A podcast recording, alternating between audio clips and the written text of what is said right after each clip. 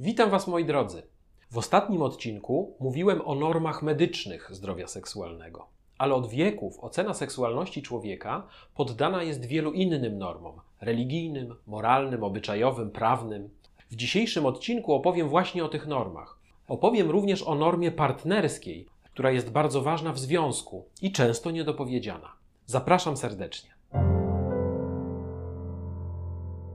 Normy religijne. Większość religii odnosi się do sfery seksualnej człowieka, w różnym stopniu regulując zachowania seksualne ludzi. Przytoczę tutaj różnice spojrzeń na wybrane kwestie pomiędzy niektórymi religiami. Dziewictwo. Bardzo wysoko cenione w katolicyzmie, ale na przykład w judaizmie dziewictwo u kobiety dojrzałej traktowane jest jako niespełnienie i w tradycyjnych społecznościach nadaje jej poniżający status. Dziewictwo cenione jest tylko u młodych kobiet przed wyjściem za mąż. W wyznaniach protestanckich i prawosławiu również nie występuje aż tak wysoka ranga dziewictwa. Celibat. W katolicyzmie również bardzo wysoko ceniony, chociaż przymusowy celibat księży wprowadzono dopiero w 1139 roku. W protestantyzmie celibat ma znacznie mniejszą rangę i nie ma obowiązku celibatu dla duchownych. Podobnie w prawosławiu. Judaizm natomiast jest nieprzychylny dla celibatu i określa go jako sprzeczny z naturą. Islam również nie aprobuje celibatu. Sztuka miłosna. Wiele religii wypowiada się, czasem bardzo precyzyjnie, co kochankom można, a czego nie można w sztuce miłosnej. Judaizm na przykład zakazuje mężczyźnie oglądać i całować narządy płciowe kobiety, a akt seksualny zarezerwowany jest tylko do celów prokreacji. W katolicyzmie również akt seksualny powinien być zawsze otwarty na poczęcie.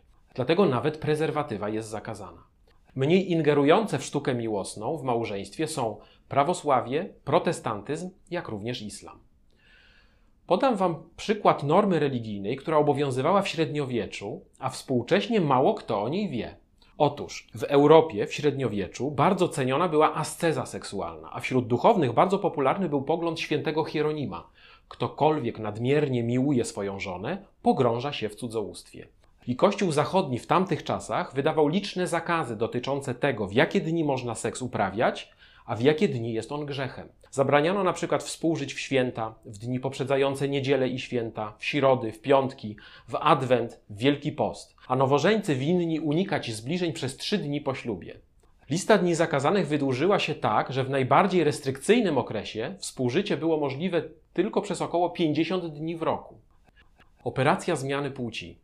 Kościoły prawosławne dopuszczają operację zmiany płci, uzasadniając to decydującym znaczeniem tożsamości płciowej danej osoby nad cechami cielesnymi.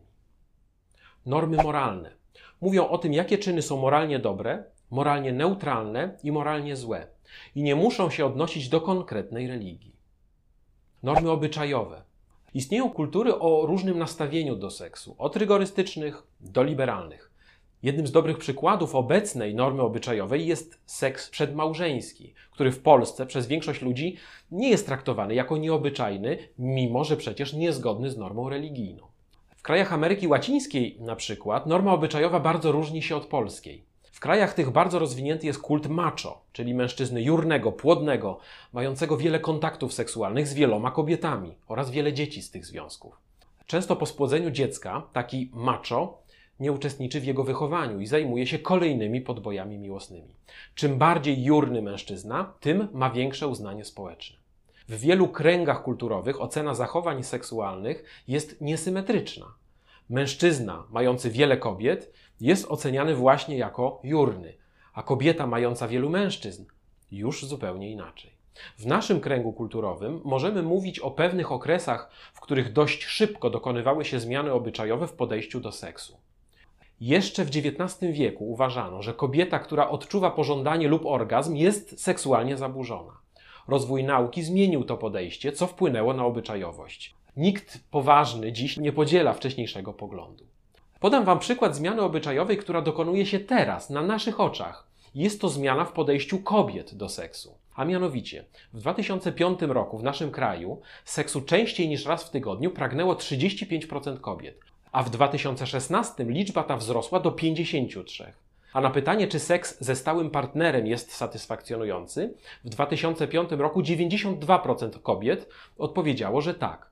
podczas gdy w 2016 liczba ta spadła aż o 21 punktów procentowych do 71%. Jak na jedną dekadę to jest olbrzymia zmiana i świadczy o tym, że Polki zaczynają inaczej postrzegać seks i zaczynają o tym mówić. Normy prawne. Opisują je kodeksy karne.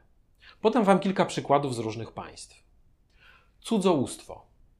Słowo cudzołóstwo oznacza zdradę małżeńską. Zatem osoby w stanie wolnym nie popełniają cudzołóstwa. Seks dwojga niezaślubionych osób nazywano kiedyś nierządem, a nie cudzołóstwem. Tak więc cudzołóstwo jest nadal karane w krajach islamu. Również w Argentynie, tu kara wynosi do roku więzienia. Także w Meksyku. Tutaj jest karane, jeśli zostało popełnione w domu małżonków lub było powodem skandalu. Homoseksualizm. Karany śmiercią, innymi w Afganistanie, Arabii Saudyjskiej, Iranie, Jemenie, Mauretanii, Somalii, Sudanie. W Gambii i Ugandzie grozi dożywocie, ale tylko za seks między mężczyznami. W Kuwejcie grozi więzienie do lat 7, a w Tunezji do lat 3. W Polsce homoseksualizm przestał być karany w 1932 roku. Gwałt. W Polsce kara za gwałt wynosi do 12 lat więzienia.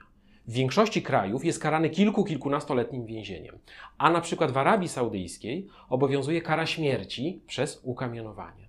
Seks z osobami małoletnimi. W Polsce prawo zakazuje uprawiać seks z osobami poniżej 15 roku życia.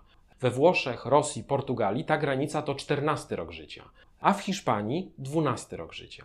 Ale są też kraje, np. Irak czy Meksyk, gdzie wiek ten wynosi 21 lat. Po tych informacjach dotyczących współczesnego prawa podam Wam jedną ciekawostkę historyczną. Otóż przez stulecia w różnych krajach obowiązywało tak zwane prawo pierwszej nocy. W Bawarii na przykład do XVIII wieku. A polegało na tym, że zaślubiony małżonek musiał oddać swoją nowo zaślubioną małżonkę na noc poślubną do pana, u którego ta służyła. Był to jakiś władca, dziedzic, Później wprowadzono prawo wykupu. Małżonkowie mogli się od prawa pierwszej nocy wykupić odpowiednią kwotą pieniędzy lub soli. O prawie pierwszej nocy opowiada znana i wystawiana na całym świecie opera Wesele Figara Wolfganga Amadeusza Mozarta. Norma indywidualna i partnerska. To są bardzo ważne normy i warto zdawać sobie sprawę z ich istnienia, chociaż często są niedopowiedziane. Każdy człowiek ma swój indywidualny repertuar zachowań seksualnych oraz swój światopogląd i indywidualne podejście do seksu. Jedni bardziej rygorystyczne, inni bardziej liberalne.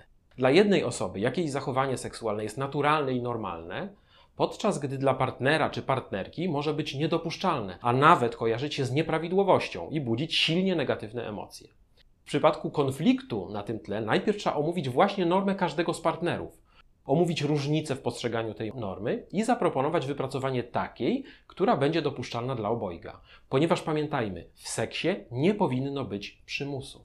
Norma partnerska to aprobowany przez partnerów repertuar zachowań i dążeń w seksie, który służy rozwojowi harmonijnej relacji. Czym ona jest bardziej uświadomiona, tym lepiej dla związku. Nie jest niezmienna, można z czasem ją poszerzyć lub zawęzić. To jest sprawa bardzo indywidualna. Co więcej, jeśli ktoś wchodzi w nowy związek, to norma partnerska tego związku może być inna niż poprzedniego, ponieważ każdy związek jest inny. Dlaczego świadomość różnych norm jest ważna? Każda religia ma swoją normę. Każda kultura, kodeks karny, każda para i każdy człowiek ma swoją indywidualną normę seksualną, czyli ocenę, czego w seksie oczekuje, a na co zgodzić się nie chce. Abyśmy się rozumieli, musimy wiedzieć, jaką normą się w danym momencie posługujemy. Zdarza się, że osoby dyskutujące ze sobą posługują się różnymi normami. Dla jednej osoby najważniejsza jest na przykład norma religijna, a dla innej medyczna czy partnerska. Osoby podczas takiej dyskusji nie zrozumieją się, a jeszcze jak nałożą się emocje, jakie budzi seks w dyskusji, no to tworzy się kompletny chaos. I to się często obserwuje w dyskursie publicznym. Seks od zarania dziejów był niezwykle zindywidualizowany i niepowtarzalny u każdego człowieka. I zawsze taki będzie. Można oceniać to jako coś złego albo jako coś, co ubogaca ten świat. Każdy z nas ma na ten temat swój własny pogląd.